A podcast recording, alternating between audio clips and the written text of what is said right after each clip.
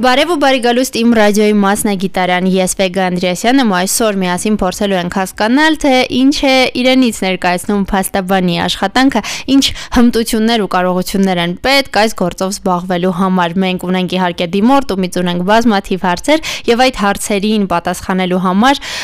մեզ այսօր հյուրընկալվել է AM իրավաբանական ընկերության փաստաբան բաժնետեր Լևոն Սահակյանը, ողջույն Լևոն։ Բարև ձեզ։ Նախ պետք է խնդրեմ ինքներդ մի քանի բառով ներկայացնեք, թե ձեր մասնագիտական ընտրությունը ինչպես է կայացել, ինչպես եք որոշել, որ պետք է դառնաք փաստաբան։ Անկեղծ ասած սկզբից որոշեցինք, որ պետք է դառնանք իրավաբան, այնուհետև նոր այնպես ստացվեց, որ դարձա փաստաբան իրավաբան դառնալու ցանկությունը առաջացավ այն ժամանակ, ավելի ճիշտ հետաքրքրությունը այդ մասով առաջացավ այն ժամանակ, երբ դպրոցական տարիքում կարդացի Հայաստանի սահմանադրությունը։ Եվ Իսկ հետաքրքիր սեփական նախաձեռնությամբ թե դա ինչ որ հանձնարարություն էր։ Չեմ հիշում, չէ, հանձնարարություն հաստատ չէր, չեմ հիշում, ինչպես պատահեց, կարծեմ տանը հենց նկատեցի, կարդացի սահմանադրությունը ու հետաքրքրեց այդ հստակության ձգտումը, այո, այդ ոլորտում եւ մի խոսքով այդպես իսկ երբ կատակով եմ պատասխանում այս հարցին երբ ինձ ասում են ինչպես ստացվեց որ դարձար փաստաբան ասում հայրս փոքր ժամանակ ինձ ասում էր որ ձեռքիցդ ոչինչ չի գալիս միայն լավ խոսալ գիտես այդ ժամանակ ես որոշեցի դառնալ փաստաբան Ինչ հատկություններ կամ հմտություններ պետք է ունենա մարդը, եթե իհարկե այդպիսի կան, որ կարողանա անդրել այս մասնագիտությունը, թե ինչ էլ որ պետք է հնարավոր է զարգացնել ինքնուրույն։ Ինձ թվում է բոլորն էլ ինձ թվում է ընտրությունից հետո բոլորն էլ ունեն լավ փաստաբան եւ լավ իրավաբան լինել դառնալու պոտենցիալ եւ միգուցե սխալվում եմ, բայց կրկին ինձ թվում է, որ դա վերաբերում է բոլոր մասնագիտություններին։ Իսկ ընդհանրապես փաստաբանությունը ես համարում եմ երկակի ստանդարտներ նկատելու արվեստ։ Այսինքն փաստաբանը կամ իրավաբանը ոչ թե առաջին հերթին այն անձն է, որ շատ գիտի օրենքներ, այլ այն անձն է, որ կարողանում է շատ լավ նկատել այդ երկակի ստանդարտները, կապված իհարկե իրավունքի հետ։ Որոնք են դժվարությունները կապված ձեր մասնագիտության հետ, որ կան Հայաստանում։ Տեսեք, մեր երկրում ինչի չեմ շեշտի, որովհետև ես երբեք չեմ աշխատել այլ երկրում։ Ես այլ երկրում փաստաբան չեմ աշխատել, ես չգիտեմ այնտեղ ինչքանով է հեշտ, ինչքանով է դժվար, ինչքանով է ավելի հետաքրքիր կամ հակառակը։ Սակայն կարող եմ ասել, որ փաստաբանի աշխատանքը հիմա մեր երկրում կշեշտեմ, որը չիմանալով այլ երկրներում ինչպես է, մեր երկրում ամեն դեպքում փաստաբանի աշխատանքը շատ հետաքրքիր է։ Չեմ կարծում, որ որևէ այլ մասնագիտությամբ երբ ես աշխատեի, նման հետաքրքրությամբ կաշխատեի։ Ամեն դեպքում, եթե դժվարություններից կամ բացասական կողմերից հայտնենք, թե ինչին ենք մենք հանդիպում, որը որ մեզ այսպես ասած դիսկոմֆորտ է պատճառում, կոնկրետ փաստաբանի աշխատանքում մեր դատավորների իհարկե ոչ բոլորի, մենք ունենք շատ բարձր կալիբրով դատավորներ, մեր որոշ դատավորների հետ է կապված այդ խնդիրը եւ վերաբերում է նրանք, որ նրանք փորձում են գործել ոչ գործել եւ մտածել եւ արձանագրել ոչ այնքան նպատակ ունենալով բացահայտել ճիշտը կամ ճշմարտությունը, այլ փորձում են գործել նպատակ ունենալով տպավորություն թողնել, որ իրեն գործել են ճիշտ։ Ունենք գործեր, երբ օրինակ հանրությունը քարկոծում է ինչ որ անznավորության, մտածելով որ նա աշխարհի ամենավատ մարդն է։ Սակայն դատավորը իր ձեռքի տակ ունի ամբողջ գործը։ Եվ նա տեսնում է, որ նա աշխարհի ամենավատ մարդը չէ։ Նա պարզապես մեր բոլորի նման է։ Ակի որ ընկել ինչ որ փորձանքի մեջ եւ վաղ թե ուշ, եթե ճշմարտությունը հաղթի, նա պիտի արդարացվի սակայն նա շարունակում է վերջինիս կալանքի տակ պահել, օրինակ, օրինակ եմ բերում, կալանքի տակ պահել, գիտակցելով, որ հակառակ պարագայում հանրությունից կստանա շատ ուժեղ վատ արձագանք։ Երկու իր շարունակող հարց ունեմ։ Առաջինը եղել է արդյոք այնպիսի պահ ձեր կարիերայում, երբ փոշմանել եք ու ինքն էլ ձեզ ասել եք, «Էս ինչ արեցի, ինչի ես ընտրեցի այս գործը»։ Հիաստապել եք ձեր մասնագիտությունից։ Երբեք չի եղել մեկ པարզ պատճառով, որովհետև երբեք չեմ պատկերացրել, թե ուրիշ ինչով կարող էի զբաղվել հետաքրքիր է եւ շարունակող հակադարձող հարց երևի իսկ եղել լինում են կամ եղել է պա երբ ամենագնահատվածն եք ձեր զգացել որոշ գործերի մասին ասում են չէ ինչ անշնորհակալ գործ է սա դրա հակառակն եք զգացել ու չգիտեմ եւս մեկ անգամ ինքն է ձեր շնորհակալություն եք հայտնել հենց սա ընտրելու համար շատ է եղել ու չի կարելի ասել որ փաստաբանի գործը չգնահատվող գործ է կոնկրետ փաստաբանի գործը կան իրավաբաններ որոնց գործը այդքան էլ գնահատվող գործ չէ, դրանց մեջ առաջինը դատավորի օկնականներն են, որոնք չեն երևում ընդհանրապես, բայց ահռելի աշխատանք են կատարում։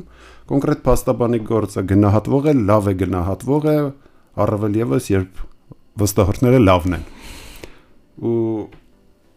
միշտ հաճելի է իհարկե այդ գոլերը, որ կարողանում ենք մենք խփել։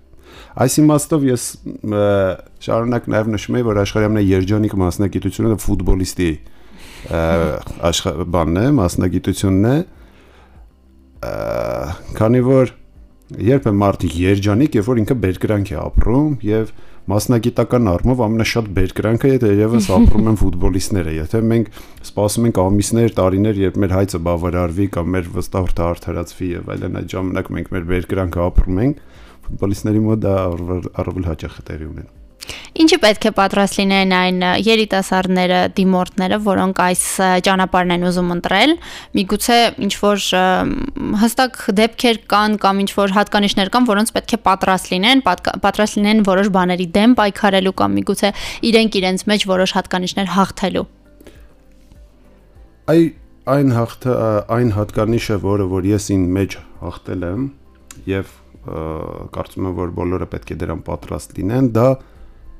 կարողանալ պարտվելն է, որովհետև վաղ-թե ուշ բոլորս էլ ինչ որ մի գործով, ինչ որ միտեղ պարտվում ենք։ Սակայն պարտությունից հետո պետք է շարունակել նույն ավյունով, նույն տեմպով եւ չհիասթափվել։ Վայ, ես ինչ ված երկիր է, վայ մեր արդարադատությունը 0 է, ինչի ես դարձա փաստաբան, Հայաստանում դատավոր չկա եւ այլն եւ այլն։ Այսինքն պարտություններ տեղի ունենում են։ Ես մեկ հետաքրքիր բան ասեմ, ստացվել էր այնպես, որ քրեական գործերով մենք պարտություն չունեինք։ Այն իմաստով չունեինք, որ ինչ ցանկացել ենք դրան հասել ենք պետք էր արդարացվել այսինքն նպատակը կոնկրետ էր գործով ռեալ նպատակը արդարացումներ արդարացվել էր ռեալ նպատակը պայմանականն էր պայմանական էր ստացեք ամեսքան պատիժներ ցմախ չլինելն էր ցմախ չէր եղել ու կար հոգեկան մի դիսկոմֆորտ մեր մեջ, որ երբ պետք է մեկ գործով մենք պարտվենք քրեականով, որ այլևս չվախենանք դրանից։ Այսինքն այդ կարողանալ պարտվել եւ շարունակել ճանապարհը դա բոլորին սպասվում է, այսպես ասած, եւ պետք է պատրաստ լինեն դրան մնացածը ամեն ինչ աճելի է։ Ինձ է ցանկացած մասնագիտության մեջ դրան պետք է պատրաստ լինել, ձեր դեպքում իհարկե ավելի ուղղակիորեն, հենց անմիջականորեն, բայց ցանկացած դեպքում է պետք է դրան պատրաստ լինել։ Ամենաշատ հետաքրքրող հարցերից մեկն էլ այն էլ թե արդյոք հնարավոր է լավ վաստակել այս մասնագիտությամբ մեր երկրում։ Տեսեք, ինչպես է, մենք ունենք մոտ 2000-ից 2000 երևի ավել փաստաբաններ Հայաստանում։ Նրանք վարձատրվում են ամենատարբերը։ Կան ընդհանրապես շատ վատ վարձատրվողներ, կան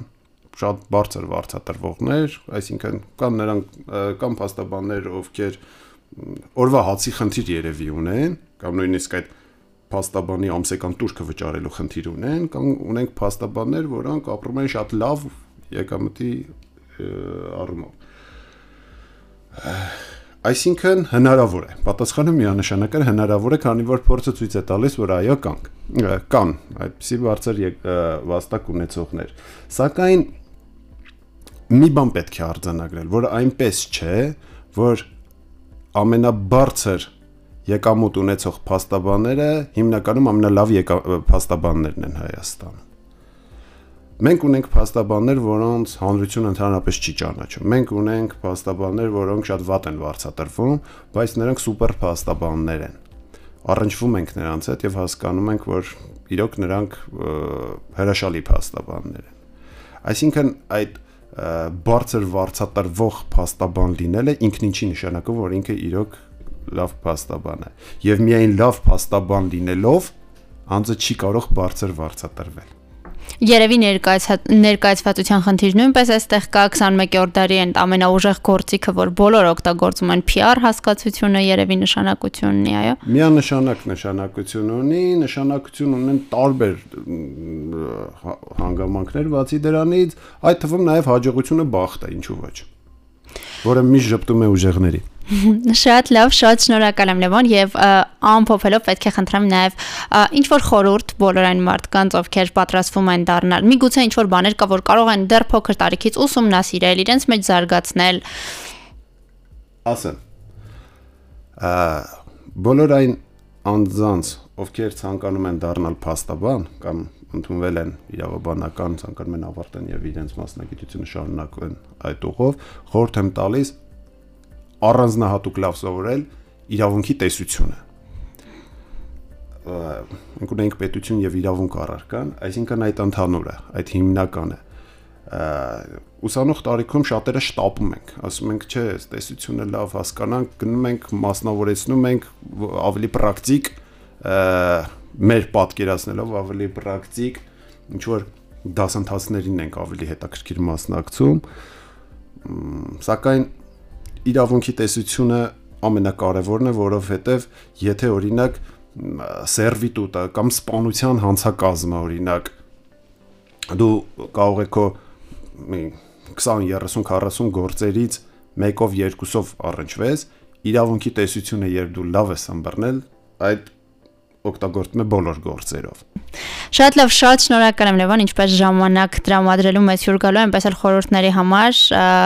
ինչպես հասկացանք, այստեղ նույնպես դες պետք է գալու համբերություն, աշխատասիրություն, այնպես որ խորհուրդ եմ տալիս բոլոր այն մարդկանց, ովքեր արդեն այս ճանապարհին են, ոչ մի դեպքում չհանձնվել, հետևել Լևոնի խորհուրդներին եւ ամեն ինչ լավ կլինի։ Մի մոռացեք բաժանորդագրվել մեզ Facebook-ում, Instagram-ում, մենք փորձում ենք ակտիվ լինել նաեւ սոցկայքերում։ Մնացեք իմ ռադիոյի հետ, կհանդիպենք։